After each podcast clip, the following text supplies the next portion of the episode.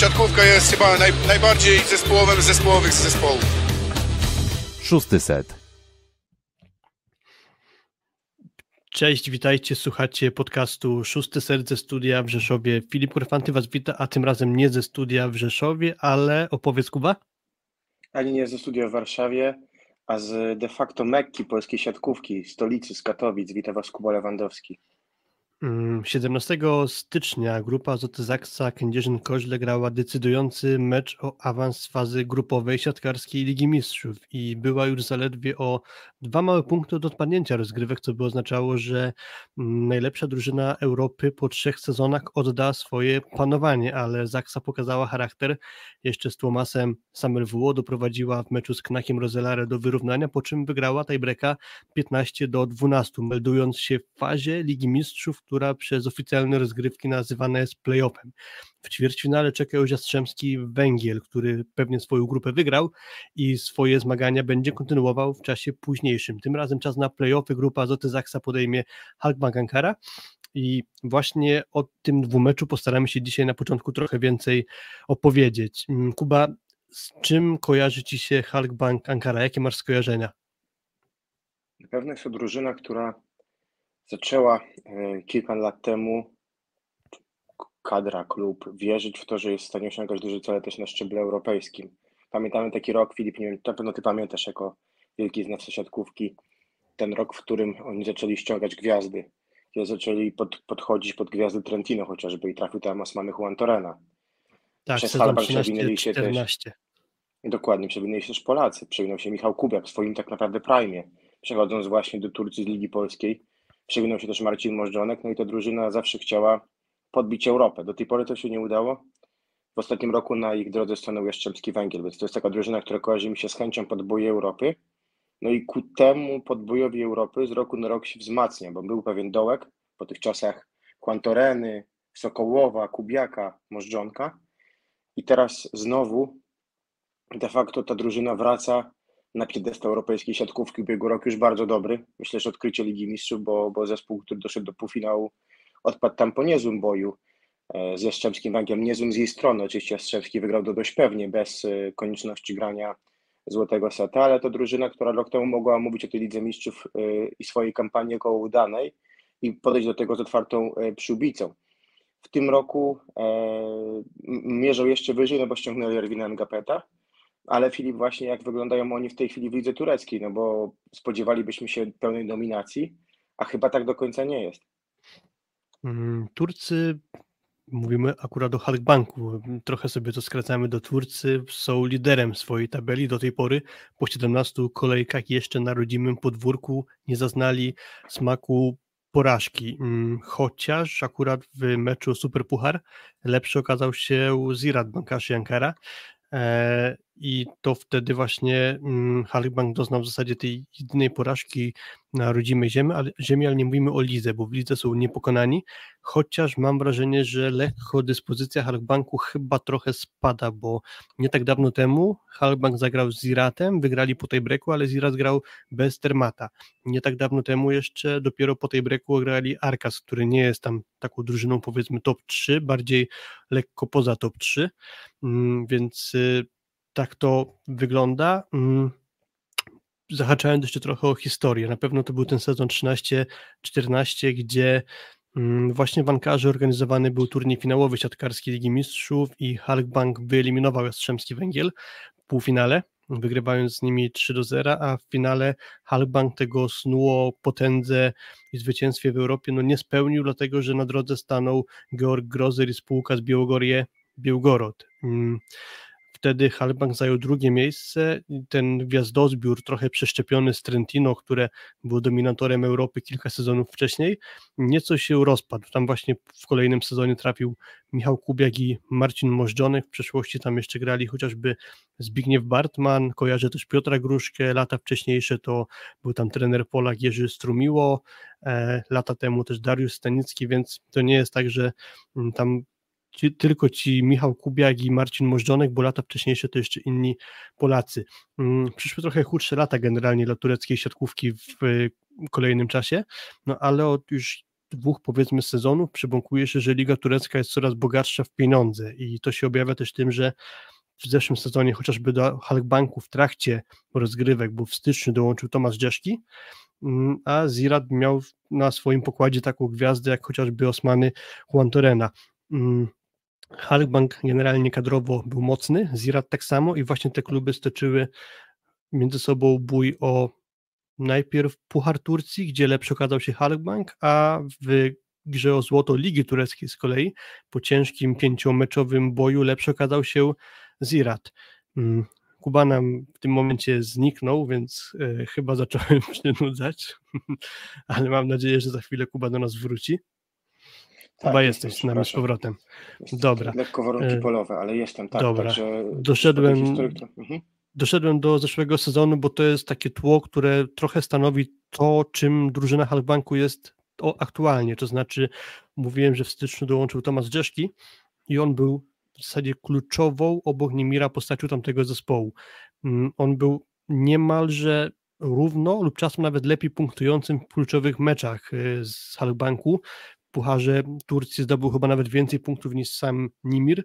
E, W playoffach w meczu Złoto Ligi Tureckiej to wyglądało bardzo podobnie, że Dżeszki punktował podobnie lub czasem nawet lepiej niż Nimir, więc to jest duża rzecz, bo jednak Holender znany jest z tego, że ciągnie na swoich barkach atak mm, swoich drużyn. Nie skończyło się to tak, że Puchar trafił dla Halkbanku, Mistrzostwo Kraju zgarnął Zirad już po raz któryś z rzędu. Drzeszki był też chyba postacią numer jeden tego dwumeczu z Jastrzębskim Węglem w zeszłym sezonie, bo Nimir tam niekoniecznie się sprawdzał tak super, że ciągnął drużynę, ale Tomasz Drzeszki był chyba problemem numer jeden Jastrzębian. Tak to Kuba kojarzysz? Pięknie, pięknie to ująłeś, zdecydowanie tak było. E, Ten pierwszy mecz e, grany w Ankarze, e, trudny bardzo dla Jastrzębia, pod ich pełną kontrolą, bo wygrany trzy sety, ale z niedużą przewagą, tam 25 do 22 i to był bardzo dobry mecz w wykonaniu Jastrzębian. Ten rewanż, Turcy zaczęli poza pierwszym setem, tak naprawdę ruszyli z dużym animuszem od seta numer dwa, no i te dwa sety dość gładko z Jastrzębianami wygrali właśnie dzięki fantastycznej grze Dzieskiego, który w tym meczu był właściwie najlepszym zawodnikiem tego spotkania rewanżowego. Finalnie od początku czwartego seta Jastrzębie postawiło mocniejsze warunki, zagrał świetny set wtedy Błaje, zagrał świetny set wtedy Fornal i udało się doprowadzić niejako do tej breka, a przez co awansować do finału Ligi Mistrzów, więc zdecydowanie ten Dzieski był taką postacią w tej drużynie jako absolutna gwiazda i to nie tylko gwiazda pod kątem em, samego nazwiska, no bo czasami właśnie taką postacią jest Nimr, szczególnie w drużynach, gdzie jest bardzo dobry blok na lewym skrzydle i taki blok i ma Tomek Fornal i taki blok praktycznie tak samo dobry ma Bartosz Bednosz, więc pewnie o tym będziemy jutro mówić, że wydaje się, że jest szansa na zatrzymanie Nimira, bo to się najczęściej polskim drużynom udaje. Natomiast Dżeszki w tamtym meczu absolutnie błyszczał i właściwie kończąc dwa sety asami dawał dużo nadziei Turkom. To też zwiastowało oczywiście wielki powrót do formy em, Amerykanina, który widzieliśmy niejako w sezonie kadrowym. Teraz Dżeszkiego nie ma, no ale wydawało się, że nie będzie żadnej straty, no bo trafia tam Erwin Gapet po poprzednim sezonie z Modeną, bardzo dziwnym, różnym, którego chyba ukoronowaniem był ten absurdalny niejako finał Pucharu CEW, gdzie Modena przegrała pierwszy mecz u siebie 0-3 z Krakiem Lozelare i mówiliśmy, że szykuje się ogromna sensacja, po czym w rewanżu w Belgii e, 3 do 0 wygrała Modena i wygrała złoty set, więc przy, przyszedł NGP. NGP tylko pamiętamy z wakacji, z, z tego, że w kadrze dużo pauzował, mało grał, E, no ale NGP, nie chcę mówić tu banału, ale zawsze groźny. Tak, Gaper zawsze groźny, trafił do Turcji tłumacząc, że chce trochę lżejszej ligi objętościowo, w sensie mniejszej liczby meczów przed y, sezonem olimpijskim, żeby jak najlepiej przygotować się do turnieju, w którym Francuzi będą bronić złota olimpijskiego. Do tego, ile on faktycznie gra, czy to mu się sprawdza, że rzeczywiście nie jest tak obciążony, dojdziemy mm, może za chwilę, ale jeszcze to, co łączy tamten sezon z tym obecnym i z czego wynikały może ruchy e, Halkbanku Ankara, no to właśnie postać, nazwijmy to trzeciego skrzydłowego. Był Dżeszki, był Nimir, to były pewne punkty zespołu. Dżeszki pożegnał się z Turcją, trafił do Panasonic Panthers do Japonii i tam obecnie występuje. No i Halkbank chyba postanowił tym razem już postawić na trzy mocne skrzydła, w sensie takim, że tam ściągnięto obcokrajowców. W zeszłym sezonie był Nikolas Bruno, który już ma swoje lata i trochę chyba już obniża loty, chociaż to cały czas bardzo dobry zawodnik. No i był Turek Igit Gülmoglu, i właśnie ta para nie do końca chyba dojeżdżała, chociażby w tym meczu ze Strzębiem. Przepraszam. A Dzieszki odszedł, trafił tam Erwin Gapet po sezonie w Modenie, jak Kuba opowiedziałeś, i do niego jeszcze dokooptowano najpierw Johna Gordona Perina, a z biegiem sezonu jeszcze sięgnięto po Mirze Lagumdziję, czyli młodszego brata Adisa Lagumdzii, który gra na ataku obecnie w Kucinę, Lubę czy Witanowa, a Mirza Lagumdzija ściągnięty został z Arkasu, niejako może awaryjnie, bo chyba nie do końca byli zadowoleni mm, włodarze klubu z dyspozycji obecnych przyjmujących, więc chyba to, ta zwiększona rywalizacja, jakieś wsparcie jeszcze od tym bardzo utalentowanego Turka uznali za konieczne. I Halkbank wygląda w ten sposób, że jest tam sporo rotacji w tym sezonie Ligi Tureckiej. Mm, może w sumie możemy też pokazać grafikę, która pokaże nam układ sił, powiedzmy, Ligi Tureckiej. To jest statystyka dotycząca top 5 tej ligi. E, liderem jest Halkbank i dalej są te cztery ekipy jeszcze Zirat, Fenerbahce, Arkas i Galatasaray. E, możecie zobaczyć kilka liczb, jak to wygląda na przestrzeni tych 17 kolejek. Mm, I zacząłem mówić o tym, że w Halkbanku jest sporo rotacji, to znaczy kontuzjowany obecnie jest Aslan Exi, więc nie ma zmiennika Majka Maa, więc on gra najlepiej, chyba tylko w jednym z setów nie pojawił się na boisku, on gra nie najlepiej, tylko najwięcej, a pozostali gracze? Bywało, że są dość często zmieniani, w sensie Inimir nie gra wszystkiego od deski do deski, Ingapet, Iperin i właśnie Lagumdzija, nawet trzeci środkowy czasami dostaje swoje szanse, nawet Libero, więc e, tu dochodzimy z kolei do tego, jak wygląda Liga Turecka, to znaczy 14 zespołów, a jak sprawdziłem sobie top 7 tej ligi po 17 kolejkach, to z tych ekip top 7 one tylko zanotowały cztery porażki z zespołami spoza top 7, czyli widać, że duża różnica sił jest między topką Ligi Tureckiej, a tymi zespołami, które są tam trochę niżej w tabeli, co też pozwala właśnie na rotację i trochę oszczędniejsze gospodarowanie siłami e, gwiazd. E, Halk Ankara trenuje Slobodan Kować i on akurat dość często sięga po zmienników. Mm, Halkbank, jak widać, w sumie w żadnym z elementów nie jest tak naprawdę lepszy w swojej lidze. I jak porozmawiać e, z Turkami, to z osobami, które śledzą tę ligę, to wygląda to trochę tak, że oni są głównym faworytem do wygrania ligi, mimo że do tej pory aż tak jakoś imponująco, czy że deklasacyjnie nie wyglądają, mimo że faktycznie te wszystkie mecze do tej pory wygrali. Ale czy to jest taki zdecydowany faworyt? Obawiam się też, e, że może im się postawić Zirat po raz kolejny, który ma przecież Mata Andersona, który gra fantastycznie i utrudnił życie Zachcie. Mm, ale odchodząc trochę od tych porównań zespołowych, kolejna grafika wygląda w ten sposób, że możemy podglądnąć, jak wyglądają E, skrzydłowi, czyli największe gwiazdy Halkbanku, wspomniany Perin, Gabet i Nimir, pod kątem rozegranych setów. Tak jak powiedziałem wcześniej, 55 z 63 setów zagrał Nimir, czyli to nie jest właśnie komplet występów, a ponad 10 setów od niego mniej ma Ngapet. Jeszcze mniej setów rozegranych ma John Perrin, bo 37. No i tam jeszcze będzie Mirza Lagumdzija, jego pokażemy na którejś kolejnej e, grafice.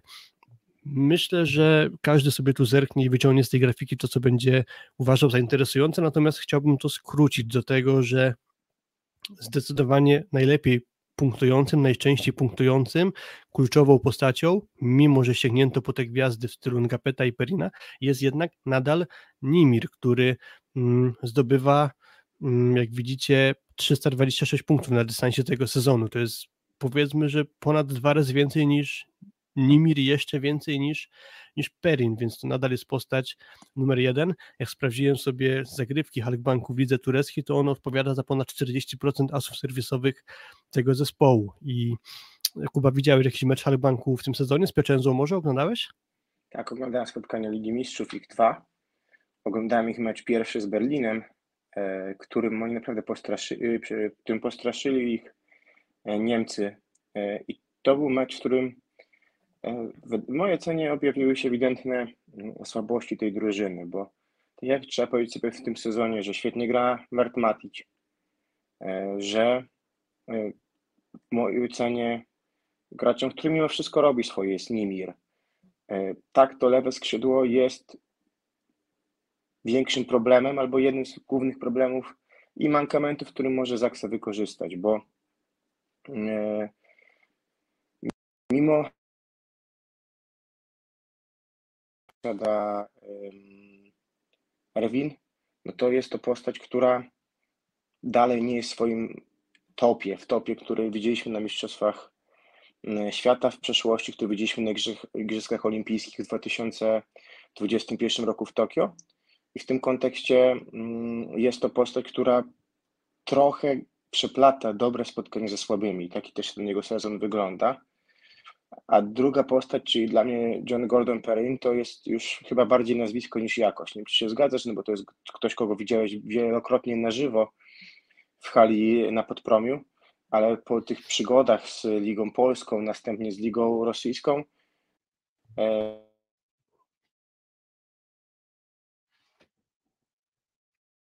Mm, Kuba, nie słychać Cię aktualnie? Jest to bardziej nazwisko. Niż zawodnik y, na poziomie chociażby grupy to Zaksy Kędzierzyn-Kośle.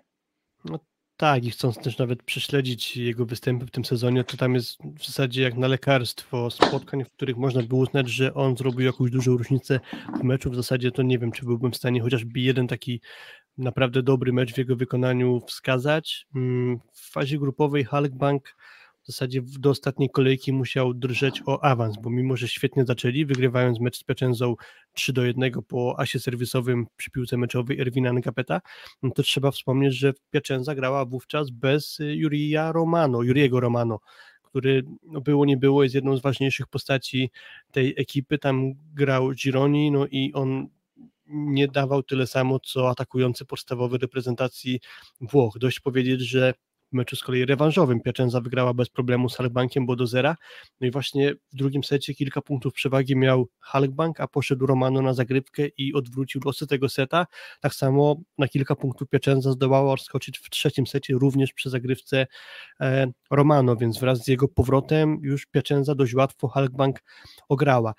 I wspomniałem przedtem o tym, że Halkbank ostatnio chyba już trochę obniżył loty w tym sezonie, że nie sprawiają wrażenia ekipy, która aktualnie jest w swojej najlepszej formie, chociażby dlatego, że jeszcze Asako Resowia w ostatniej kolejce, jeśli by wygrała z Trentino, to teoretycznie miała szansę na awans z trzeciego miejsca do kolejnej fazy, jednak Rzeszowianie odpadli, a to wszystko było też połączone z tym, że Halban grał mecz w Portugalii, w Lizbonie, no i 2 do 1 prowadziła Benfica w tamtym meczu, więc gdyby to się skończyło zwycięstwem za trzy Portugalczyków, to Resowia wygrywając za trzy punkty, tak sobie to, jeśli sobie dobrze to przypominam, no to tak Resowia by się zameldowała jako najlepsza drużyna z trzecich miejsc w tym playoffie, ale Halbank jednak był w stanie losy tamtego spotkania w Portugalii odwrócić, no ale to, że oni tracą punkty w meczu o coś, dla nich nadal o coś, wtedy właśnie w Portugalii, no to nie świadczy najlepiej o ich dyspozycji. Też wspomniałem tutaj breki z Iratem, Bestermata, z Arkasem Izmir, który nie jest takim ścisłym topem Ligi Tureckiej,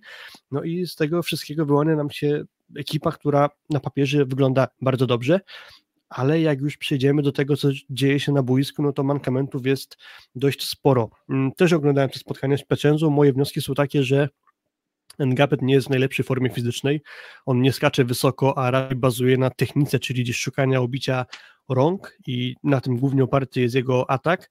Sporo instynktu nadal w obronie zachował, ale jak mówimy o jego przyjęciu, to jest dość niepewny, zwłaszcza zwróciłem uwagę na to, że jak on jest celowany zagrywką, która nie idzie mu na ciało, mocną zagrywką z wyskoku, która nie idzie mu na ciało, no to ma sporo problemów, gdzie jak już musi się gdzieś schylić, sięgam, sięgnąć rękami do boku, to czasem ta piłka jest niedograna w punkt na siatkę i to sprawia, że trochę prościej musi grać Majka ma, więc na pewno mm, aspekt przyjęcia Unkapeta i atak nie należy do najgroźniejszych, albo na pewno nie jest na jego najwyższym poziomie, jaki jeszcze kiedyś prezentował.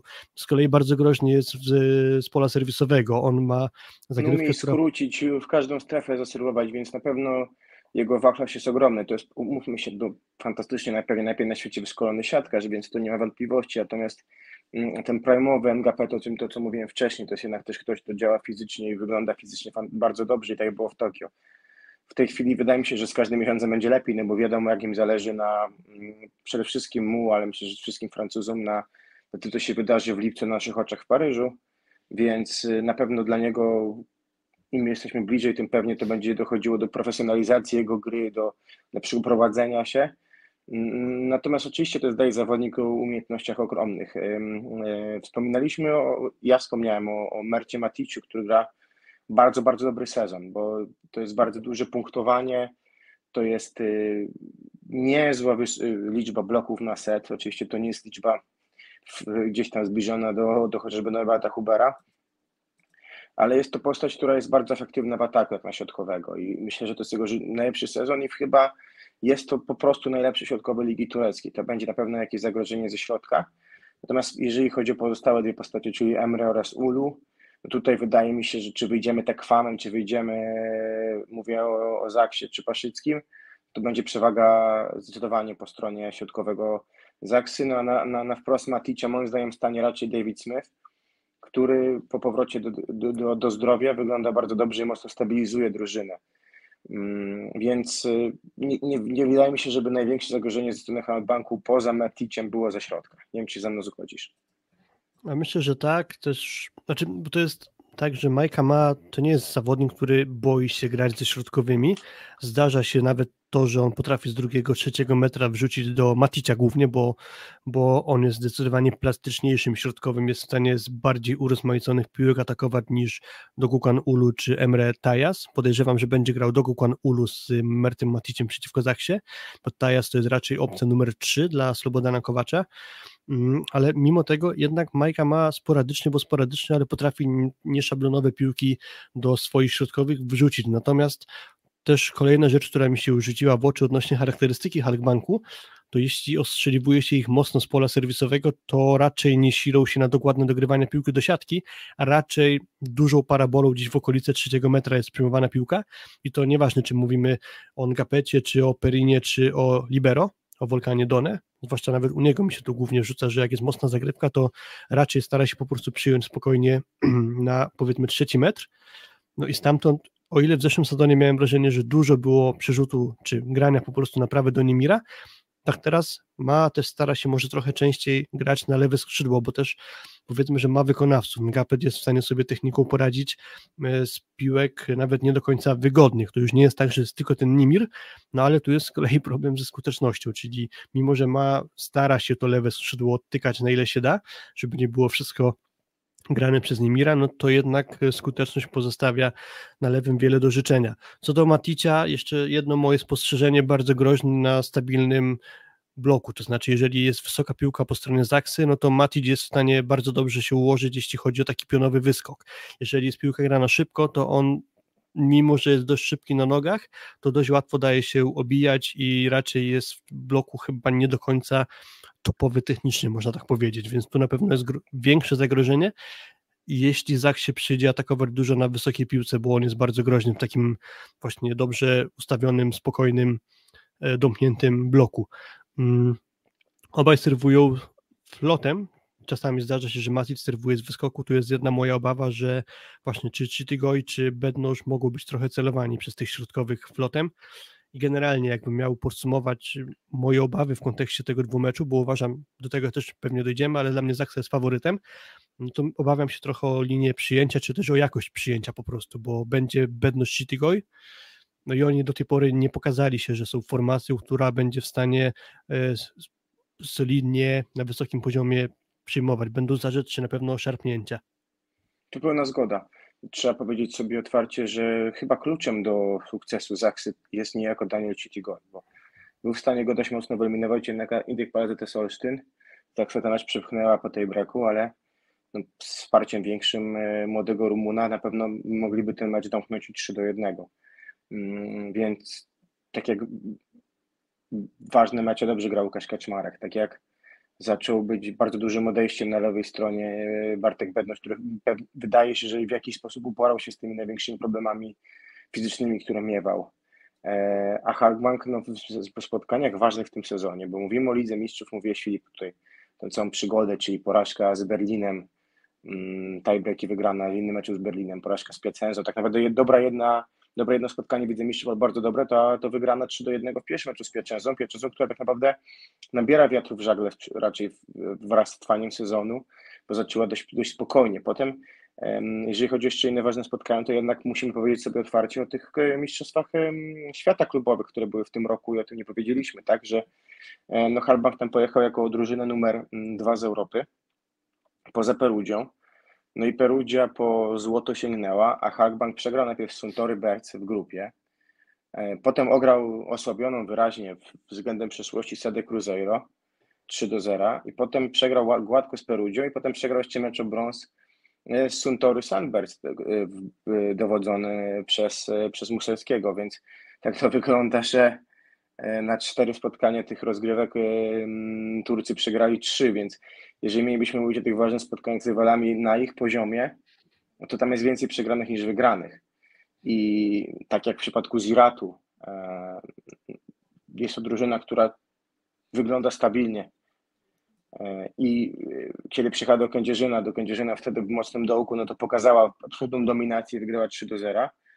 Tak dzisiaj nie wiem, czy troszeczkę nie dochodzimy do sytuacji, w której Zaksa odbudowując się do góry, zaraz się spotka z zespołem Halkbanku w bardzo podobnej dyspozycji. To może i to, co mogło się wydawać jeszcze w momencie właśnie chociażby meczu z Stakiem Rozelare, czy, czy, czy tym, co się działo przed tym spotkaniem, meczu z Olimpiakosem, że, że, że Zaksa dość gładko i szybko odpadnie z Ligi Mistrzów, może się przerodzić w awans do, do, do ćwierćfinału i grę z Lubę, więc mm, nie mam po prostu przekonania co do takiej absolutnej jakości Halkbanku, nie wiem, czy nie pokusić na to stwierdzenie, że rok temu, kiedy przystępowali do rywalizacji z Jastrzębiem, byli lepszą drużyną. Nie wiem, czy się z tym zgodzisz. Jakby podsumowując pewnie już niejako tą część. Mhm na papierze myślę, że są mocniejsi, ale właśnie to, co prezentują w tym sezonie, uważam, że e, tamten Hulkbank e, był groźniejszy. Też porównując nawet personalia, no to środek ten sam, libero ten sam, atak ten sam, rozegranie to samo, na przyjęciu się zmieniło, to znaczy będącego w świetnej dyspozycji Tomasa Dżeszki zastąpił Erwin Gapet oraz do pary z nim albo mm, John Gordon Perrin oraz Lagumdzija. O Gapecie powiedzieliśmy, że on nie wygląda na siatkarza w topowej swojej formie, mm, Perin gra mało meczów, w których robi różnicę. No i dochodzimy do postaci numer 3 na przyjęciu, czyli ściągnięty jako ostatni Mirza Lagumdzija, czyli młodszy z braci Lagumdzija. Adis gra w Luba, Mirza jeszcze nie zahaczył o zagranicę. Mm, no i ten Mirza Lagumdzija to powiedziałem, jeden z bardzo obiecujących tureckich przyjmujących, krótko go charakteryzując. Bardzo groźny w ataku, świetny blok, bo bardzo wysoko potrafi piłkę złapać i też technicznie wygląda to naprawdę bardzo dobrze i też nawet w liczbach, jak widzicie 0,5 mm, bloku na set, to jest całkiem dobry wskaźnik, jak na skrzydłowego. Mm, trochę niestabilny podrzut do zagrywki, przez co jemu się zdarza sporo psuć albo po prostu przebijać piłkę nie najmocniej, ale jeśli już trafi, to naprawdę jest groźny, więc to jest siatkarz, który może też trochę zachsie krwi napsuć, napsuć i do końca w sumie nie wiadomo. Podejrzewam, że wyjdą parun Gapet, Perin, a, a w razie czego jeszcze Turka na przyjęciu być może e, zobaczymy. E, Majka ma, pokazaliśmy jego statystyki, to jest zawodnik, który jest w stanie ofensywnie też zagrozić, bo i zdarza mu się e, z drugiej piłki zaatakować, ma bardzo mocną, zmienną zagrywkę, którą też potrafi e, zrobić trochę szkód w formacji przyjęcia przeciwnika. No i to jest rozgrywający, który zagrał w zasadzie komplet setów, można powiedzieć, bo jak widzicie 62 z 63 rozegranych setów, tam drugim do pary z nim rozgrywającym jest Aslan Exi, który od jakiegoś czasu jest kontuzjowany, więc Hulkbank przystąpił do tego spotkania bez zmiennika. Z kolei nie tak dawno temu, dzisiaj parę godzin temu widziałem, że z kolei Mateusz Biernat wygląda, że będzie do dyspozycji trenera Adama Swaczyny w tym spotkaniu, dlatego że pojawił się już w oficjalnym składzie na stronie CEF, czyli Europejskiej Federacji Siatkówki, więc przypuszczalnie Zachsa będzie miała mm, jego też w razie potrzeby do dyspozycji. Biernat już zadebiutował w którymś ostatnim meczu Zaksy, więc y, w razie czego jakaś podwójna zmiana, jeśli będzie konieczna, to taka możliwość y, będzie. Ostatni jeszcze slajd, który przygotowaliśmy, to też w sumie dużo mówi o tym, jak wygląda e, Halkbank. Top 5 punktujących na set graczy Ligi Tureckiej po tych 17 kolejkach. No jak widzicie, jest Nimir, który jest aktualnie najlepiej punktującym tamtej ligi, prawie 6 punktów na set, za nim Georgi Grozer, Bardia Sada, Irańczyk, Geraldo Graciano, Brazylijczyk i świetnie nam znany Jan Hadrawa a dopiero na 24, 37 i 38 miejscu w tej klasyfikacji są kolejni gracze Halkbanku, czyli Ngapet 3-6 punktów na set, Mirza Lagumdzija 3-1 punktu na set, Gordon Perin 3 punkty na set, czyli na przykład Perin punktuje dwa razy mniej niż y, Nimir, tak można łatwo z tego policzyć. Y, dla porównania, Jeszki w tamtym sezonie w playoffach miał blisko 5 punktów na set, to jest bardzo duża różnica względem tych skrzydłowych, którzy tam są teraz poza Nimirem, więc y, nawet pamiętam tytuł naszego czy zapowiedź na social mediach naszych, czy Halkbank tęskni za Jeszki. Moim zdaniem tęskni i, i też jak rozmawiałem z kilkoma osobami, którzy turecką ligę śledzą, to mówili, że naprawdę żałują tego odejścia Tomasa Jeszki do ligi japońskiej, bo mimo, że gwiazdy przyszły do Halkbanku, to nie świecą aż tak jasnym blaskiem. No to myślę, że idealne podsumowanie, bo trzeba powiedzieć sobie otwarcie, że fakt, że skrzydłowi, którzy mieli jakby niejako przewodzić lidze, są na 24 i 37 miejscu, czy 38, jeżeli chodzi o punktujących, no to nie świadczy dobrze. Oczywiście wiemy o rozkładzie, że jest inny rozkład do lewego, do prawego, ale tu wychodzi na to, że de facto tyle samo piłek idzie na prawo, co na lewe. Tu nie ma takiego obciążenia, Filip, wiesz, dwie trzecie lewe i jedna trzecia prawe, tylko mamy, zobacz, 6 piłek do Niemira i 6,6 na skrzydło lewe, więc to pokazuje Nimir dependencję, i mówię, tu myślę, że liczę na, na świetny blok Bartka Bednoże naprzeciwko Niemira, ograniczenie go też do, do skosu. I na to, że sposób grania Majki Ma, chociaż który miał korepetycję, pewnie widzieliście wraz z Udeczeko, pewnie tu troszeczkę uwag od mistrza przyjął, e, będzie rozczytana przy, przez, przez Zaksę. Zaksę, która w mojej ocenie w meczu z Olsztynem była w stanie Olsztyn zmusić do, w setach, których wyglądała dobrze, do, do, do gry, którą sami preferowali, chociażby w tej breku, tak? czyli do długich akcji, do ponowień, do ogromnej konsekwencji, a, a w, tym, w tej takiej grze Zaksowej Zaksa jest lepsza i wykończąc ten wątek, no to mówię, gdyby tutaj, nie wiem, Pet, czy Lagumdzija, czy Perin byli bliżej miejsca, nie wiem, 12, 13, tak, czyli za większością oczywiście mm, atakujących, ale na czele przyjmujących, no to byłoby wszystko chyba też e, jaśniejszy i lepiej wyglądający na boisku. Sytuacja, w której oni no, są chyba w środku w ogóle, jeżeli chodzi o punktujących, przyjmujących, też niejako stanowi odpowiedź na to, dlaczego, dlaczego Halkbank wizualnie i wynikowo, jeżeli chodzi o ważne spotkania i spotkania z rywalami na swojej półce, tu nie mówimy o meczach e, w ich lidze, tak, które w ostatnim czasie potrafili wygrywać 3 do 0, e, po prostu ma problemy, no bo to, że ograli, nie wiem, Tursat w weekend 3 do 0, czy że ograli Sportoto 3 do 0, czy ewentualnie ograli um, rywali po, po, po kroju Biga ostatnio też grali jakiś mecz z Iratem, to, to, właśnie to są ich ostatnie spotkania. Tak, tak, to, to faktycznie ten mecz z Iratem to było po tej breku wygrany chyba ich najlepszy w tym sezonie, tak. E, chociaż chwilę po nim przyszła porażka z Piaczenzą, także, także e, gdzieś w tej chwili e, wydaje mi się, że może nie papierowy tygrys, ale zespół, który jest jak najbardziej w zasięgu w tej chwili e, grupa z Zachcy Kędzierzyn Koźle, e, która, pewnie do tego zaraz przejdziemy, po prostu zaczyna wyglądać lepiej. Ja też tak uważam, że tutaj warunkiem do awansu będzie po prostu dobra dyspozycja Zaksy i uważam, że myślę, że sporo optymizmu powiało ostatnio, bo jeszcze przed tygodniem omawialiśmy sensacyjną wiadomość, że zwolniony został Tomasz Samelwuo po tym, jak Zaksa zagrała naszym zdaniem najlepszy mecz sezonu przeciwko PSG Stalinysa.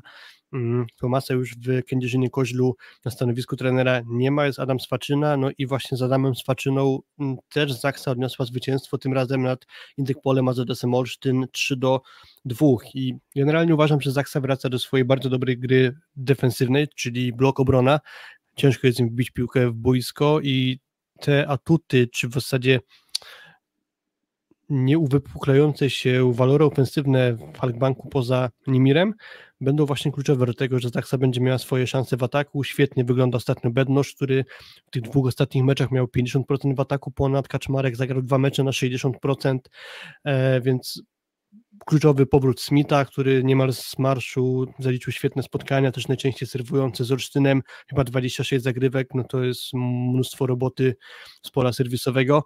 Mm, stąd według mnie ta dyspozycja z akcji jest bardzo zwyżkująca i to powinno na Halkbank Ankara wystarczyć. Może nie super znacząca sprawa, ale rewanż odbędzie się w Turcji, w hali, w której Zaksa nie tak dawno temu grała z Iratem, więc to może być jeszcze delikatny atut, to znaczy znajomość hali. To nie będzie tak, że po prostu ci gracze przyjadą do całkiem nowego dla siebie obiektu, ale jednak nie tak dawno temu mieli okazję tam potrenować i zagrać spotkanie, więc mogą być oswojeni z atmosferą, być może też pod kątem podróży będzie tam coś bardziej zoptymalizowane niż było to podczas ich y, tamtejszego pobytu w Turcji, więc y, myślę, że raczej 60 do 40, nawet 65 do 35 dla Zachsy uważam. Mm.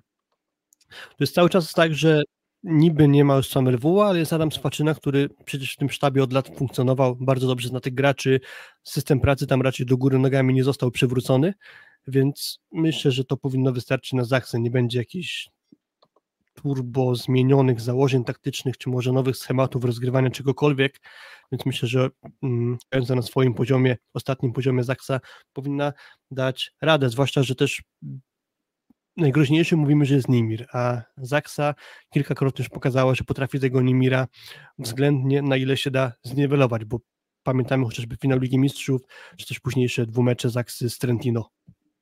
Tak, no tu pełna zgoda. Wydaje mi się, że jest forma zwyżkowa, to też jest szansa, tak zaczyna to wyglądać z ruchu włodarzy w Kędzierzynie, że jest, zaczyna być to szansa dla Adama Swaczyny, żeby w tej roli pierwszego trenera został do końca sezonu, więc na pewno ogromna mobilizacja też po stronie całego dotychczasowego sztabu e, w Zaksy, który jest, tak jak wiemy, niezmienny od lat, e, do tego, żeby, żeby potwierdzić, że oni w tej konfiguracji obecnej też są w stanie sobie doskonale radzić. Mm, Zaksa w weekend nie grała, bo grała mecz, e, grała mecz w czwartek i z tego co wiem, tak, skorzystała z możliwości przesunięcia niejako meczu z Częstochową na finał Pucharu Polski, tak aby właśnie w większej świeżości podejść do tego dwumeczu, więc w świetle tego, że praktycznie tydzień bez meczu, tydzień bez wyjazdu, no bo mecz z Olsztynem grany o 15.45 w czwartek u siebie, czyli de facto będzie mieć 6,5 dnia pomiędzy spotkaniami, e, a po stronie Turków też podróż z Turcji, no to tutaj też ten atut świeżości może się pojawić po stronie, po stronie Zaksy.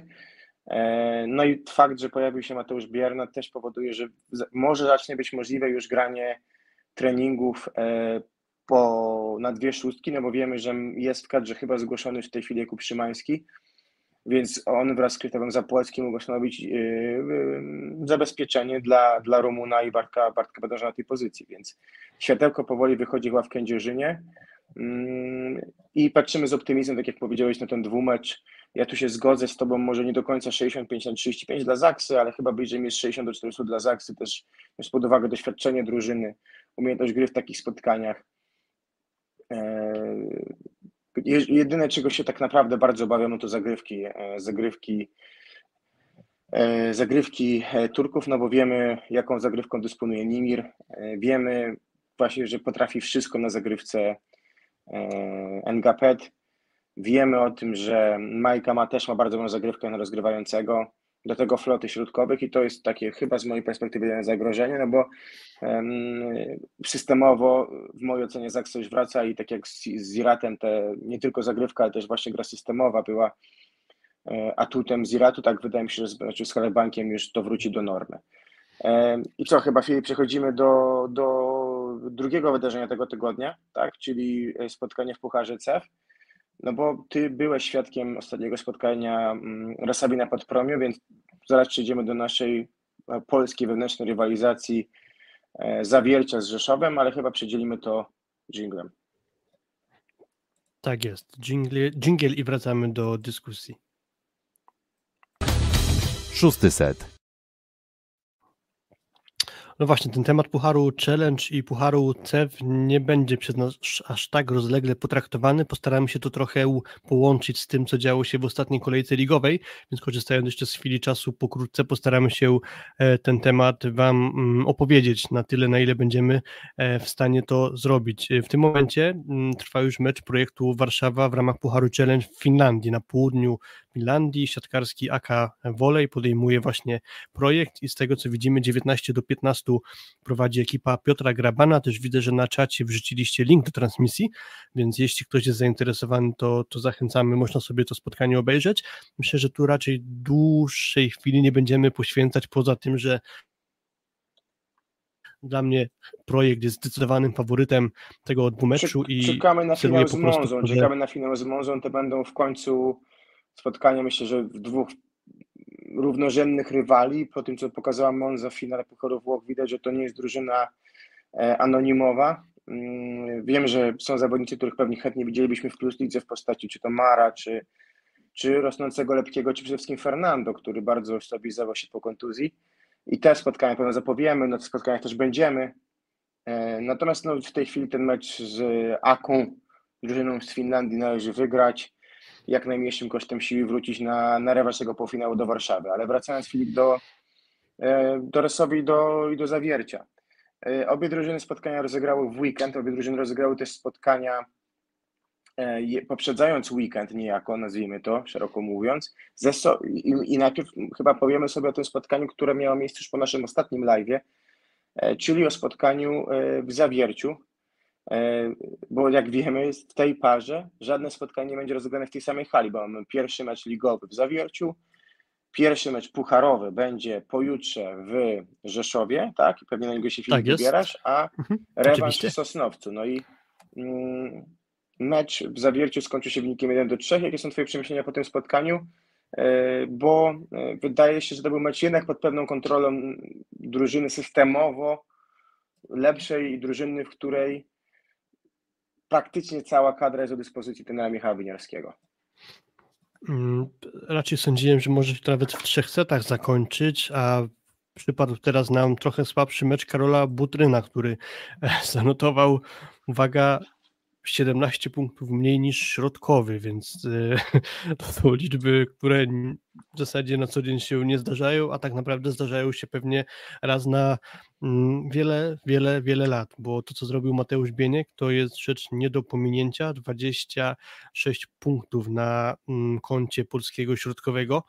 E, to był dla mnie totalnie zaskakujący występ, zwłaszcza, że jeszcze w meczu poprzednim Mateusz Bieniek nie robił takiego wrażenia w ataku, bo miałem poczucie, że chyba nie do końca jeszcze złapał dobre tempo z Tavareszem, nie do końca chyba odbudował może siłę uderzenia, przez co dość, mm, może nie powiem, że łatwo, ale względnie często był wyblokowywany albo po prostu broniony, a tu nagle przychodzi mecz z Katowicami i Bieniek e, po trzech setach tego spotkania bodajże nie skończył tylko jednego ataku. Dopiero w czwartym secie dostał sporo piłek i nie wszystkie z nich skończył, co skończyło, co, skończyło, co, co przyczyniło się do tego, że zanotował wynik 18 na 22 w ataku, do tego jeszcze 5 punktowych bloków i 3 asy serwisowe. 26 punktów w sumie to rekord plus ligi, bo wiemy, że poprzednio w jednym spotkaniu 25 razy punktował Sreczko Lisinac, to było w sezonie bodajże 17-18. On w pięciu setach meczu z AZS-em Olsztyn właśnie zdobył wspomniane 25 punktów. Mm, jak to się ma, czyli wynik Bieńka do innych środkowych, aż sobie musiałem sprawdzić jednego giganta środka siatki, czyli Robert Landy Simona. On nie tak dawno, bo w zeszłym sezonie zdobył z kolei 27 oczek w jednym meczu też pięciosetowym, więc skoro zrobił tylko punkt więcej, mając tiebreaka jeszcze e, do dyspozycji, no to tym bardziej jeszcze można podkreślić osiągnięcie Mateusza Bieńka. W zasadzie powiedziałem, słabszy mecz Butryna, Monster Game Bieńka, Katowice i tak się postawiły. Katowice generalnie wróciły do swojej dobrej gry. Cały czas możemy podkreślać e, bardzo dobry impact, wpływ, który przyniósł włoski rozgrywający Davide Saita, no ale tym razem Katowice musiały radzić sobie bez Lukasa Wasiny, który na jednym z treningów już chodził sobie kciuka, to wyeliminowało go z występu przeciwko Zawierciu, natomiast myślę, że czy też z tego, co gdzieś tam pytałem, to lada chwila powinien wrócić do grania, być może już na najbliższy mecz z Jastrzębiem. Wasina się ostatnio świetnie prezentował, myślę, że to postać numer jeden w ostatnich meczach GKS-u. 3 e, do 1 dla Zawiercia, trochę słabszy mecz Butryna, ale czy to się przełoży na mecz dresowy? Niekoniecznie. Spodziewam się dalej jednak bardzo dużo zagrożenia z jego strony. Mm, jeśli nie masz chyba nic do dodania, to może przejdźmy do wydarzeń na podpromiu z kolei, bo tam Asekory sobie podejmowała lidera tabeli. Ale wiesz co, Filip, y, y, y, tak, tylko chciałem jeszcze podpytać, bo nie mówiliśmy o meczu jest Zawiercie Resowia pierwszym, bo tam niejako tym, który był w czwartek. E, bo to Mówisz? był mecz niejako stanowiący preludium do tego. A, okej. Okay. I, I mecz z Katowicami dla Zawiercia moim zdaniem nie był kluczowy w tym kontekście, że tyle czasu, jak już stawiają na grę w Pucharze CEF, te podróże, które wykonali do Austrii, do Bułgarii, do oczywiście Bazardziku, do Krajowej, do Rumunii, e, do tego do Mediolanu powodują, że apetyt rośnie w miarę jedzenia w tej drużynie. No i wiemy o tym, że jeżeli uda się wyjść z tej polskiej pary, to na drodze będzie prawdopodobnie Fenerbahce, E, no ale po drugiej stronie takiego próżno szukać tak wyraźnego faworyta w, tej chwili, bo nie ma innej włoskiej drużyny, tak? I, I to nie wiem, czy to nie jest przedwczesny finał, a może inaczej rozgrywka, z której zwycięzca zostanie triumfatorem Pucharu CEF, więc to, to, to, myślę, że pierwszy ten mecz, który się wydarzył w czwartek, to był mecz, z którym z perspektywy naszej był bardzo istotny, z uwagi na fakt, że klaryfikuje się, czy klaruje się chyba powoli fakt, że Łukasz Kozł chce być pierwszym rozgrywającym i to trochę po, po, pozwól, że połączę z, z meczem weekendowym na Podpromiu, tak, z Jastrzębiem. Klaruje się, że Łukasz Kozł prawdopodobnie, nie wiem, czy już do końca sezonu, ale chyba będzie pierwszym rozgrywającym.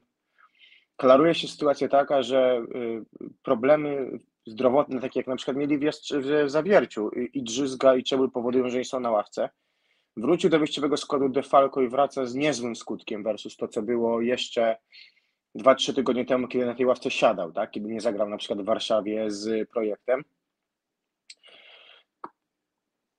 Problemy na środku kolosalne, które spowodowały zakontraktowanie Jakuba Lewandowskiego. E, zbieżność nazwisk fantastyczna, to jest w ogóle jeden z moich celów też, żeby z Kubą Lewandowskim, Kuba Lewandowski porozmawiał e, w tym roku. Więc tak naprawdę wobec braku rotacji na środku siatki Kuba Lewandowski ściągnięty dostaje szansę Miłosz Wróbę.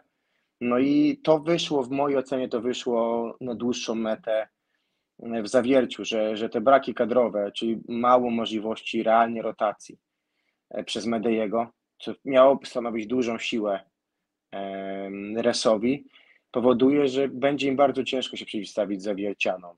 I to było w mojej ocenie widać, że od początku do końca meczu kontrola była Zawiercian, może z wyjątkiem pierwszego seta tego spotkania, które było w ubiegły czwartek, no bo to, ten set padł łupem Główną sprawą zagrywki już... Boje, który zrobił tak, sporo breaków w tamtej otwierającej ten mecz partii, a później z kolei mhm. już żadnego breakpointu po jego zagrywce Rysowian nie uzyskała.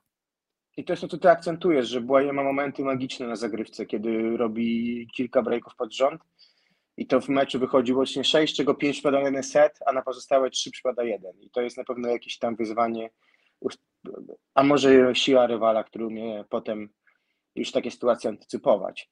No i potem te trzy sety już padły łupiem zawiercian. Nie wiem, czy, czy, czy to nie jest pewna prognoza na to, co się wydarzy na Podpromiu już w czwartek. Ale wracając do tego, co było w niedzielę na Podpromiu, przybył Jastrzębski Węgiel Lider, starcie na przykład przyjaciół tak, z, z podsiadki z poprzedniego sezonu, chociażby Błaje i Fornala, którzy grali na siebie. Mm, no i dobry mecz wykonania Sekoresowi w, w trzech setach. Pierwszy set bardzo fajny do pewnego momentu, tam do końcówki. Drugi set całościowo fajny. Trzeci set też niezły, no i w czwartym secie to już po prostu e, się skończyło. Tak bym, tak bym do tego podszedł. Rosowia została przełamana w trzecim secie. Myślę, że na czwarty set już chyba pękła po prostu Aseko Rosowia. Na samym początku wystawa Kozuba gdzieś tam z poza linii bocznej boiska za antenkę na drugą stronę siatki w aut i to spowodowało, że już trener Medei chyba stracił cierpliwość całkowicie do, do Łukasza Kozuba, wpuścił Fabiana Drzyzgę, ale to niczego nie zmieniło. Mm, cała jakby historia czwartego seta myślę, że wzięła się też z tego, co działo się w trzech poprzednich partiach. Mm, dobrze weszła Rosowia w to spotkanie. Kilkanaście pierwszych akcji w moich oczach nawet zwiastowało, że Rzeszowianie mogą to spotkanie wygrać. E, sporo problemów w przyjęciu miało Jastrzębie. Fornal nie do końca łatwo radził sobie w ataku, Patry był przytrzymywany, ale im dłużej trwało to spotkanie, tym chyba mam takie wrażenie, że tracił głowę Łukasz Kozub i to było z tych wszystkich spotkań jego zdecydowanie najgorsze spotkanie.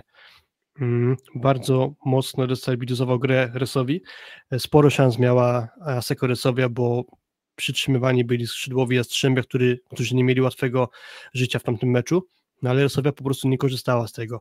Była piłka dograna do Kozuba, niedokładna wystawa, nie była w stanie swobodnie Sekorosowia kończyć swoich ataków i to chyba destabilizowało zespół na tyle, że tak poukładana maszyna jak Jastrzębski Węgiel pod wodzą Mendeza po prostu to skrzętnie wykorzystała, mimo że nie sądzę, żeby to był jakiś wybitny mecz, czy wyjątkowo dobry mecz w wykonaniu Jastrzębia, bo właśnie wszystko powiedziałbym, że tak, dobry popiwczak i na pewno to, co mi Tak, właśnie chciałem wspomnieć o tym, że kapitalnie, fantastycznie wygląda flow Tonutiego ze środkowymi. Nie tylko z Huberem, z Waderem tak samo. Jak jest tylko dobre dogranie do siatki, Ben po prostu w mgnieniu oka dostarcza piłkę do środkowych i błyskawicznie ta piłka jest zbijana.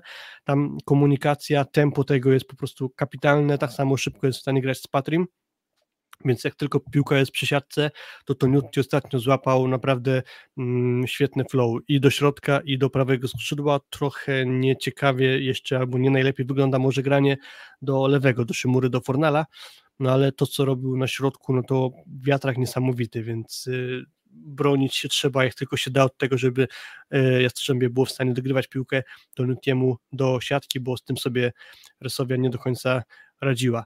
Mm Kluczowe moim zdaniem właśnie po stronie Rosowi było to, że nie wyszedł totalnie mecz Łukaszowi Kozubowi. Gdyby zagrał poprawnie, myślę, że spore szanse na co najmniej 4 sety miała Rosowia, więc tak naprawdę to nie jest tak, że Rosowia gra ostatnio źle. Uważam, że całkiem dobrze sobie radzą. Luati też ostatnio zaczyna nawiązywać do tego, co kojarzy z Jastrzębia, czyli może też trochę zaczyna e, jego gra równać oczekiwaniom, że będzie dobrze scalał tę drużynę w każdym elemencie. Uważam, że ostatnio już gra naprawdę dobrze. E, I kluczowa sprawa, dużo mówiło się o kontuzjach Zaksy, ale też było, nie było dużo kontuzji w ostatnim czasie Wasekoresowi, bo kontuzjowany czy też lekki uraz ma Fabian Drzyzga, który nie do końca jest zdrowy.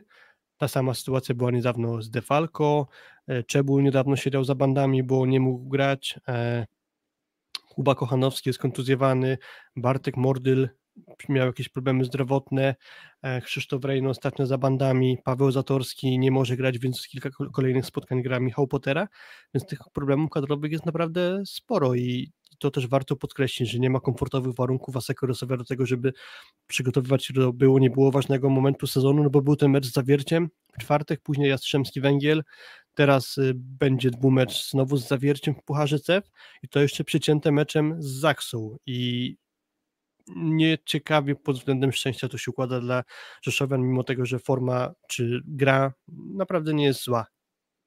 Tak, ja się absolutnie zgadzam i wydaje mi się, że w kontekście dwóch meczów z zawierciem wnioski mogą wyciągnąć podobne zawiercianie, bo po tym, co pokazał Mateusz Bienik na e, hali Szopienicach, no to też jego flow z Tavareszem rośnie. Też oni się zgrywają sukcesywnie to jest ich pierwszy sezon, więc może być bardzo duże wykorzystywanie, e, wykorzystywanie Bienika, ale pytanie, czy będzie w stanie tak dobre przyjęcie zagwarantować sobie zawiercie, jak było w stanie zagwarantować sobie w Katowicach. To jest wyzwanie, e, bo nie ma co ukrywać, że są takie momenty, kiedy Rosja gra bardzo dobrze. Są momenty, kiedy gra Rosja moim zdaniem najlepiej w Polsce. Problem jest taki, że zaczyna czasami grać gorzej niż drużyny, które walczą o playoff. I to jest problem też gry Resowi w tej chwili, to jest znowu stabilizacja jeżeli wyjdą takie sety, jakby potrafią wyjść, chociażby pierwszy w zawierciu, pierwszy, drugi e, z Jastrzębiem, no to ta, ta Resowia jest zespołem równorzędnym albo i lepszym. Natomiast e, gdzieś tym, ta średnia, do której spada Resowia, jest, jest niższa, i, a że tego spadania jest dużo, no, no bo też nie ma kto poratować z ławki. I Tutaj wyraźnym faworytem mojej ocenie jest zespół Zawiercia. Tu bym bardzo był zaskoczony, albo mocno zaskoczony, gdyby wyszło inaczej. E, trochę mi to sytuacja przypomina, chociaż wtedy to taka sytuacja nie była, ale pamiętasz rok temu dwumecz Zaksa Zawiercia, nasz wewnątrzkrajowy, Polski. No, tam też... Wyraźna wygrana Kędzierzyna. Właśnie, niby te sety dość równe, ale finalnie tak, kapitalny Szodzi, świetny Bednosz i też właściwie już po trzech setach rewanżu było wiadomo, że to, że to mm, Zaksa przechodzi dalej. I trochę podobny scenariusz wydaje mi się może być bardzo możliwy w tej, w tej parze, czyli walcząca bardzo mocno Resowia, Resowia, która, tak jak mówisz, myślę, że atmosfera jest całkiem dobra w drużynie, wbrew pozorom, że zawodnicy złapali w nich, szczególnie przyjmujący, czyli Luat i Defalco Luz, no to po prostu system gry yy, bezpośrednio dyspozycja samych liderów jest dalej wyższa po stronie, po stronie e, zawiercian, e, bo Soli bardzo równo gra Klewno. Jeżeli problemy ma Kwolek, bardzo mocno pomaga Łaba. Mhm. Kwoleg ostatnio nie grał z Katowicami, to kwestia tego Tak, palca, tak. który sobie uszkodził w meczu wcześniejszym, Dokładnie. ale, myślę, było że wiele wskazuje na to, że jednak będzie gotowy do grania. Tak, dokładnie tak. Dokładnie tak. Yy, Sezon, czy sezon życia, może nie piątą młodość, ma miło zniszczą. Perry zaczyna się przyzwyczaić do grania w tym, tej konfiguracji, nawiązuje do poprzedniego sezonu, więc wyraźnym faworytem w mojej ocenie jest zespół Zawiercia. No i też Miguel Tavares, niebagatelna, nie do przecenienia postać tej drużyny. Uważam, że odżył po odejściu Rosza Kowacewicza. Na potwierdzenie tego mamy świeży wywiad z Dawidem Konarskim dla TVP Sport, w którym Dawid nie dosłownie, ale powiedział coś w stylu, że mm, posłużyło właśnie Miguelowi odejście Kowacewicza, więc y, jak skoro mówi to Dawid Konarski, no to w zasadzie nie ma co dodawać i chyba wielce prawdopodobne, że tak po prostu jest. Y, Chcąc może zamknąć wątek europejskich pucharów, a dodam, że projekt Warszawa wygrał pierwszy set i prowadzi kilkoma punktami w drugim. No, pytają, AK o link, Volley. pytają o link, bo mówiłeś, że jest gdzieś na czacie, a ludzie nie mogą znaleźć nasi widzowie. Jakiś link z Twitcha zdaje się, ktoś chyba wrzucił. Eee, Może nie na tym live'ie, może jeszcze na drugim jesteś, jakimś live'ie. A, jest link do transmisji, super, dziękujemy bardzo. a, tylko nie da się tego skopiować, więc po prostu to jest chyba na Facebooku komentarz wrzucony, więc Mhm. y, na nasz y, stream na Facebooku musicie wejść i odnaleźć komentarz e, pana Jerupolema. Nie klikałem w ten link, jeśli tam jest coś innego, to sorry, nie weryfikowaliśmy. Ufamy, że to rzeczywiście jest transmisja z Finlandii. A jeśli nie, to co złe, to nie my. Mm, Puentując temat europejskich pucharów, projekt wygrywa w Finlandii 1 do 0 i kilkoma punktami w drugiej partii. E, W drugim półfinale Monza, wspomniana przez Ciebie Kuba, mierzy się z Galatasaray Stambuł. Tam faworytem jest Monza. Jeden temat jest taki, że Nik Mujanowicz został wyrwany powiedzmy z Kalcita Kamnik w trakcie tego sezonu, mimo że w tym Kalcicie Kamnik już występował w Pucharze Challenge, więc tam się pojawiły protesty, że Mujanowicz nie może grać w barwach Monzy, bo jest to zakazane, żeby grać w dwóch klubach jednocześnie w europejskim Pucharze w danym sezonie. Wygląda na to, przynajmniej tak twierdzi Vlado Nikołow z Lewskiego Sofia, mm, że nikt się tym nie przejął i po prostu bogatszym wolno więcej na razie nic nie wskazuje na to, że Monza miałaby jakieś konsekwencje tego ponieść. Dla mnie właśnie finał będzie Monza, projekt Warszawa i to może być bardzo ciekawe granie. Z kolei w Pucharze CEF, tam mamy na razie ćwierćfinał, więc tych ekip, które teoretycznie mogą o tym trofeum jeszcze e, myśleć, jest osiem. Mamy mm, granie zawiercie Resowia. Zwycięzca tej pary trafi na tego, kto awansuje z kolei z dwójki zespołów Gryniard, Masej i Stambuł, a jakby w drugiej części drabinki jest Olympiakos Pireus kontra Arkas Izmir oraz niemiecki Limburg z Aons Milon z Grecji. E, Tu z kolei myślę, że będzie tak jak powiedziałeś Kuba, czyli zwycięzca pary Aseko Resowia, Aluron CMC Warta Zawiercie, później wzniesie trofeum Pucharu CEF. Dobrze, włączymy sobie teraz jeszcze dżingiel i krótko przeskoczymy po wydarzeniach ostatniej kolejki Plus Ligi. A w trakcie dżingla prosimy o Szósty łapkę set. w górę.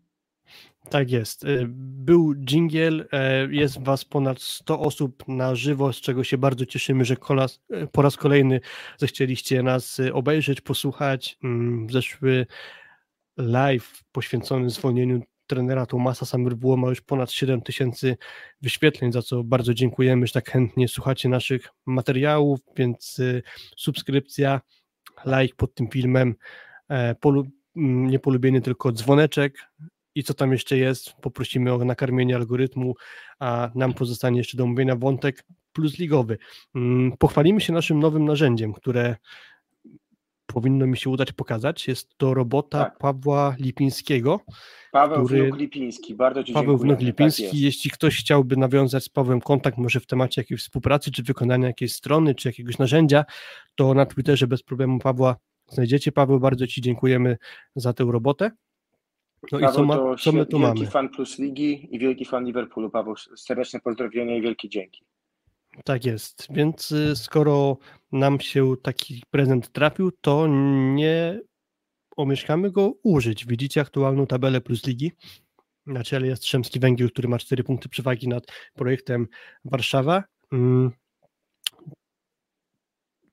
Chyba zmierza to wszystko w kierunku takim, że Aseko Rysowia skończy fazę zasadniczą na czwartym miejscu, chociaż to jeszcze wcześniej i jakby cała zabawa w pierwszej czwórce będzie polegała na tym, żeby uniknąć w ćwierćfinale Zaksy, która pewnie w playoff się znajdzie, ale powyżej e, miejsca piątego już chyba nie awansuje moim zdaniem, więc to na razie tak zaczyna A według wyglądać, Ciebie awansuje a- wyżej niż, niż siódme? Bo to też zaczyna się troszeczkę robić trudniejsze.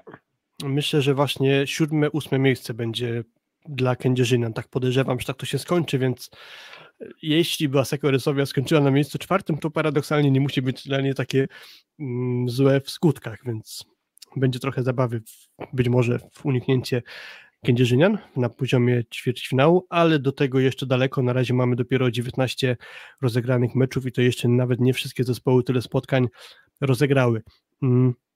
Idąc po kolei, przesunięte zostało spotkanie Exactu Systems y, Norwida Częstochowy z Kędzierzynem, o tym już Kuba przedtem wspomniałeś. Kolejne spotkanie mm, 27 stycznia 14.45 y, Bogdanka Luk Lubin z PGG z Krabełchatów. Postaramy się pokrótce tylko opowiedzieć o tych spotkaniach. Mm, Możemy też pokazać, e, jak działa nasze narzędzie. Mm, Krótki raport z tego spotkania, a kluczowa sprawa z tego meczu to absencja Dawida Konarskiego. E, Dawid Konarski jakieś spięcie podobno w y, plecach chyba. Wyszedł na rozgrzewkę, ale ocenił, że nie będzie mógł wziąć udziału w tym spotkaniu. Za niego Przemysław Kubka, dla którego nie było to udane spotkanie i właśnie ten aspekt trochę przytkanego prawego skrzydła sprawił, że musiał sobie radzić środkiem, lewym skrzydłem Łomacz, co skrzętnie wykorzystali Lublinianie i w mojej ocenie bardzo pewnie grali z grę. Tak, ten drugi set taki naprawdę kluczowy, tam dość wyrównany, ale finalnie mimo jednej piłki setowej, jak dobrze pamiętam, dla, dla Skry udało się to wyciągnąć na, na, na stronę Lublinian. Mm, Cały czas trzyma się dobrze Damian Schulz i wydaje się, że jak jest trener włoski, e, był Anastazji, to był też świetny Damian Schulz, jest trener Botti, jest świetny Damian Schulz. Mm, Kolejny mecz, który odbył się, to był mecz, y, y, mecz drużyny z Radomia z, z drużyną projektu Warszawy. I to spotkanie niejako. Poczekaj Kuba, bo nie wiem, o którym teraz mówisz meczu. Radomia z Ojej, Warszawą, to przepraszam, tej drużyny Warszawy nie z Radomiem, Jezu, przepraszam cię bardzo. E, Z lecimy- Lwowem, Jeny, przepraszam. Z oczywiście Tak Barką jest. Karzany Lwów kontra Projekt Warszawa. I ten mecz. Nie masz takiego wrażenia, że jeżeli drużyna z Lwowa źle zaczyna spotkanie, to można łatwo zakładać, że będzie 0-3? Czy to jest drużyna, która nie ma w zwyczaju za bardzo odwracać mecze, że jeżeli wejdzie dobrze w mecz, to jest w stanie powalczyć z wieloma drużynami w lidze, ale kiedy wejdzie w mecz słabo, no to kończy się na tym, że jest mecz, w którym zdobywają 49 punktów, rywal 75 i mecz trwa godzinę 12. Dokładnie tak. E, Kuba Bednaruk wrzucił na Twittera takie pytanie, czy jest zespół bardziej zależny e, od jednego gracza niż Skra od Konarskiego. Pomyślałem w pierwszej kolejności, że może jeśli Skra jest powyżej wszystkich, to kolejny taki zespół to być może będzie właśnie Barką bez Tupciego, bez Tupcija, czy Tupciego, bez Tupcija chyba, tak się powinno odmawiać, wymawiać e, i odmieniać, Mm, więc potencjalnie tak, gdyby Barkom był osłabiony brakiem właśnie atakującego ukraińskiego, to ich gra w ataku mogłaby wyglądać jeszcze gorzej niż to wyszło w tym spotkaniu z projektem Warszawa, tylko 10% efektywności, e, całkowita dominacja projektu w tym meczu i, i pewne zwycięstwo 3 do 0. Generalnie ktoś chyba żartował sobie, że trener Piotr Graban mógłby udzielać wykładów, jak y, małym nakładem sił i pewnie szybko wygrywać spotkania, w których jego zespół jest faworytem. E, Przechodzimy dalej. Mm, Mecz numer można powiedzieć cztery, a tak naprawdę z tych, które się odbyły, to numer trzy to Aseko Rysowia kontra Jastrzębski Węgiel. O tym spotkaniu już opowiedzieliśmy. Wygrana Jastrzębia 3 do 1. Dalej mamy mecz Katowic z Zawierciem, o którym też już powiedzieliśmy. Tu przede wszystkim na pierwszym planie jest e, rekord Mateusza Bieńka.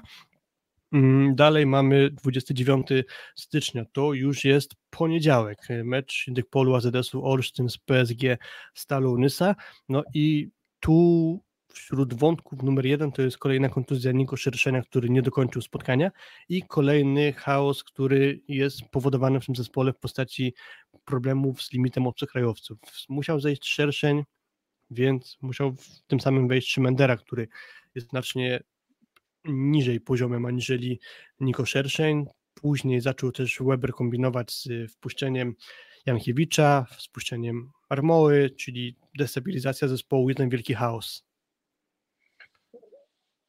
Już jeden wielki chaos dobrze. Nasz, nasz partner z, z, z programu Piotrek Złoch, przeżywający, emocjonująco spotkanie Olsztyna, wczoraj pisał poprawnie, że tak pewną alegorią Olsztyna to po pierwsze jest akcja, która skończyła czwarty set, czyli średnie dogranie albo słabe dogranie Najcisa e, do siatki, pewne zamieszanie, bo nie było rozgrywającego, jednoręczna, kapitalna wystawa Armoły, niczym, niczym prime'owy Bruno Rezende czy też, czy też Ricardo i kończący to na wysokiej piłce akurat w tym momencie Moritz Karlicek i że e, to, to była alegoria, ale też drugą alegorią jest y, tak jakbyśmy byli na Olsztyn, to drużyna, która chyba bierze nas na przejażdżkę jak w, niczym w Energylandii, ale ta przejażdżka nie jest przyjemna, to nie jest Hyperion w Energylandii, tylko to jest pewna przejażdżka, której jedzie się, jest trochę adrenaliny, ale znacznie więcej razy chce się wymiotować. Taka alegoria czy porównanie mocne, ale chyba właściwe, bo drużyna bardzo rozchwiana, drużyna, która momentami jak chociażby w, tym, w tej uczcie w zawierciu potrafi grać na poziomie top 4 w Polsce, jest drużyną, która jest w stanie zagrozić top 4 w ćwierćfinale, a momentami ta drużyna jako główny kandydat do spadku i to falowanie Olsztynan widać na tle setów, widać na tle meczów, widać na tle nawet paru minut. Zaczęli świetnie, zdjęli Gierżota, ale pojawił się Kamil Kosiba. I to jest chyba odkrycie ostatnich tygodni też Kamil Kosiba i jemu należy się bardzo ciepłe i dobre słowo, jako gracz, który bardzo, bardzo mocno się rozwinął przed pierwszej ligi. I właściwie od pierwszego wejścia w Warszawie już to wygląda bardzo dobrze i bardzo, bardzo ważna postać to była tego spotkania, mimo że MVP trafiło do, Remigiusza Kapity, to zarówno El Graoui, jak i Kosiba dali bardzo duże wsparcie z lewego skrzydła. Mm, tak jest, przychodzi mecz... w 10 spotkaniach i to jest chyba ma swoją wymowę niestety, albo bardzo. No niestety tak, już w pewnym momencie było głośno o tym, że być może Javier Weber pożegna się z posadą, ale przyszedł dobry kolejny mecz, ale niestety mm, mecze następne w kolejności skończyły się porażkami. Zatem pytanie, e, Filip, co teraz? Od momentu tej rozmowy cztery spotkania, tak? Spotkanie z Zawierciem, spotkanie z Jastrzębiem, spotkanie z Kędzierzynem i z Nysą. Ok. Trzy spotkania z topem w Polsce i spotkanie z Nysą, czyli z zespołem bezpośrednio sąsiadującym w tabeli, trzy punkty na 12. Trzy porażki 2-3, 1-0-3. Dużo, mało, chyba sami sobie wszyscy odpowiemy na to pytanie. Dementuję, nie jestem Artemem, bo takie głosy się pojawiają na czacie. Ostatnio to jest też jeden z głośniejszych tematów. Kim jest Artem, który ma bardzo dobre informacje na temat transferów. Ja Artemem nie jestem, więc na tym ten temat bym skończył. Ja mm. też nie jestem, ja tylko piszę o podatkach e, na Twitterze. Zachęcam do mojej dzisiejszej, nitki o nowym prawie podatkowym dla sportowców we Włoszech. Tak jest, ciekawe, warto przeczytać i też pewnie będzie miało to wpływ na rynek transferowy we Włoszech, więc Kuba Lewandowski jest łatwo do znalezienia na Twitterze, tudzież aktualnie już Xie, a nie Twitterze, a może kończąc wątek meczu Olsztyna z Nysą, um, uraz kolejny Macieja Muzaja, nie mógł zagrać w tym meczu i trochę pół żartem mówiąc, może to i dobrze, bo wraca do dobrego grania Remek Kapica, który ostatnio trochę czasu spędził na ławce rezerwowych, gdyż mm, właśnie to Maciej Muzej dostawał szansę od Pińskiego. No i na dobre to póki co wychodzi, bo kolejne dobre spotkanie Remigusza Kapicy trochę spełnił się trend, że jak rywal nie jest z najwyższej półki, to bardzo dobrze gra El Graui. No i właśnie do tego Kosiba, trzy dobre działające skrzydła e, pozwoliły na to, żeby Olsztyn skontuzjowanym w trakcie spotkania szerszeniem ograć po tiebreaku. Mm, idziemy dalej. Wiesz co jeszcze? Trzy dobre tak? skrzydła pomogły też na drugą wygraną w sezonie e, NHLnych Radom. E, mm, a dwa, trzecią już wygraną w sezonie nawet, a drugą pod wodzą Waldo Kantora. Tak. Bo Radom wygrał z Częstochową.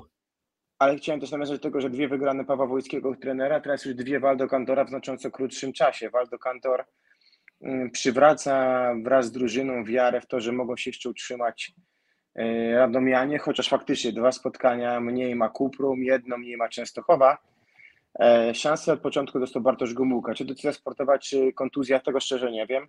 Ale świetny mecz Gomułki, tego, jeszcze co... chyba lepszy formeli. Kuba, komentatorzy wypowiedzieli się w ten sposób, że to nie jest kwestia zdrowia, to po prostu decyzja okay. trenera Kantora. Jasne, jasne. Czyli, czyli sportowo Gomułka, świetny mecz formeli, najlepszy w plus lidze, równy Buszek, rośnie Reisner, myślę, że zawiercianie się cieszą, bo jest pożyczony z zawiercia. solidny, ostroski. Jak kończyli, no to to Dorobiczowi się grało łatwiej, jak mu się gra łatwiej, to to zaczyna być zasadzie rozgrywający, a po drugiej stronie słaby mecz Sancheza, nie pomógł też Bucijewicz. Mm, No i Szybko kontuzjowany, wygrana. szybko kontuzjowany Paweł Halaba, który ostatnio Tak jest, więc, e, więc był tutaj gra zwyżkującej nie pomogła. dyspozycji. Fajny impuls Mhm. Kaciczaka, ale to było trochę za mało, więc zasłużone wygrana Radomian. No i liga będzie ciekawsza, co to jest klasyka, prawda? E, Tak, ja jeszcze bym powiedział, że fantastyczne, chyba najlepsze zawody w ogóle Kon- Konrada Formeli Mhm. w tym sezonie. Nadal bardzo podoba mi się gra Wiktora Reisnera na środku siatki e, i byłoby dziwne, gdyby czarni tego spotkania nie wygrali, bo naprawdę prawda. to wyglądało świetnie, najlepszy ich mecz w sezonie, więc zasłużone zwycięstwo. Mm, Bartosz Gomułka, a z rękawa trenera Waldo Kantora, MVP tego meczu. Ktoś może sobie trochę robić podśmiechujki z tego, co powiem, ale zachowując wszelkie proporcje, on mi techniką i budową trochę przypomina Julia Romano, też z racji tego, że jest leworęczny. Więc nie chcę powiedzieć, że to jest gracz raczej klasy Romano, ale na swój sposób i jego sposób poruszania się, atakowania, budowy właśnie przypomina mi włoskiego atakującego, zobaczymy, co z Bartoszem Gomułką będzie się działo później, a póki co gratulujemy świetnego występu z Suwałkami. E, czy będzie Kuprum, ciekawie w grze presję o... na plecach, Filip, czuje presję na plecach Kuprum, no i zaczęło dobrze z Gdańskiem, bo mamy 1 do 0. Dokładnie. Mm, To było nasze jedyne tak- tak naprawdę okienko w tym tygodniu, żeby nagrać zapowiedź meczu Zaksa Halbank, więc pozwoliliśmy sobie nałożyć się z naszym live'em na mecz Kuprum z Treflem. E, 1 do 0 prowadzi KGHM Kuprum Lubin z Gdańskiem po pierwszym secie, 25 do 21 dla ekipy Pawła Ruska. W drugim Tref prowadzi 8 do 7, więc tu jeszcze może pójść w każdą stronę. Mm, Projekt Warszawa prowadzi 2 do 0 w Finlandii, wygrał 25 do 20, więc wszystko idzie tutaj po myśli warszawian. Kuba, mm, czy kończymy na dzisiaj? Kończymy na dzisiaj. Jeszcze raz prośbę o łapkę w górę, o, o komentarz pod filmem. I co, prosimy o trzymanie kciuków za nasze drużyny. O tutaj, jeżeli chodzi o Rosowę, zawiecie, to zależy, gdzie jest wasze serce, na pewno za dobry mecz. Będziemy trzymać kciuki, jeżeli chodzi o Zaksę, to oczywiście za naszą drużyną. I co, możecie powoli wracać do oglądania, czy to Plus Ligi, czy, czy drużyny z Warszawy w Pucharze Challenge. No i co, i chyba to tyle na dzisiaj. Mam nadzieję, że mimo pewnych problemów na początku transmisji, jeżeli chodzi o warunki, no to była ona mięsista, była fajna analiza wykonana przez nas, jeżeli chodzi o to, co może pokazać Halkbank. W tej analizie nam pomagał Piotrek. Piotrek, który niedługo do nas wraca, e, do występów z nami. Mm, I co? I, I tyle. No i trzymamy kciuki za polskie drużyny i liczymy na to, że spotkamy się za tydzień w tym samym albo jeszcze większym gronie. Dawajcie znać o nas znajomym. E, Szerzcie dobre słowo, bo my jesteśmy też dla siebie, ale też dla Was przede wszystkim. I niech żyje siatkówka, cytując klasykę. Tak jest. Vamos Zaksa, Vamos, nie wiem, czy Zawiercie, czy Resowia, kto komu Vamos wszyscy. kibicuje, to, to, to niech wygra i słyszymy się po weekendzie. Trzymajcie się, cześć, dzięki. Dzięki bardzo.